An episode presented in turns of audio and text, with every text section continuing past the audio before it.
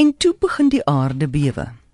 Ewe onskuldig reis die Live the Journey groep in die noordooste van IJsland toe ons toergids Sven skielik 'n selfoonoproep ontvang. Die nuus? Verborge in die wit horison het die Barbadunga vulkaan onder die 500 meter laag ys van die grootste gletser in IJsland, Vatnajökull, skielik wakker geword. Een skudding op die ander en 'n koepelvorm wat deur satelliete waargeneem kan word. Tipies Suid-Afrikaner. Jong, ons gryp ons kameras en mik horison toe. Laat die vuurwerke begin. Tot Sven ons vertel het wat regtig aan die gebeur is. Presies dieselfde ding het gebeur in 2010 toe Aya Faljajökull onder dieselfde omstandighede uitgebars het en die lugverkeer in die noordelike halfrond tot stilstand gedwing het. Die groot gletser lê wydspeen oor 'n streep vulkaniese aktiwiteit wat strek van Laki en Hekla in die suide tot by Barbadunga in die noorde. Al hierdie vulkane het een ding in gemeen. Hulle maak dood. Toe Lucky in 1783 ontplof het, is 14 kubieke kilometer as en magma die lug ingeskiet. Die aswolk is gesien tot in Sirië. Meeste diere in IJsland is dood aan fluoriedvergiftiging.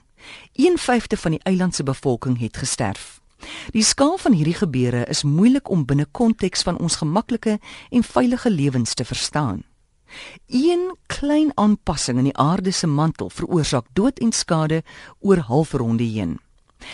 Wel dalk het die tyd aangebreek dat ons 'n herbesoek moet bring aan ons persoonlike verhouding met die aarde, die grond en die klippe.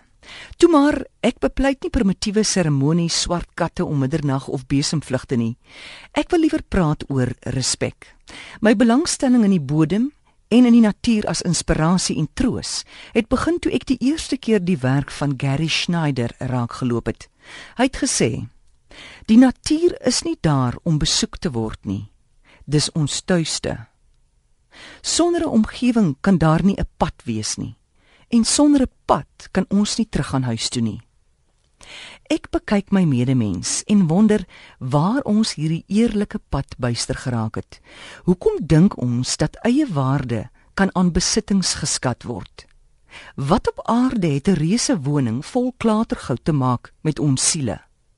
Hoe tragies is dit nie dat ons die internasionale as die universele aansien nie?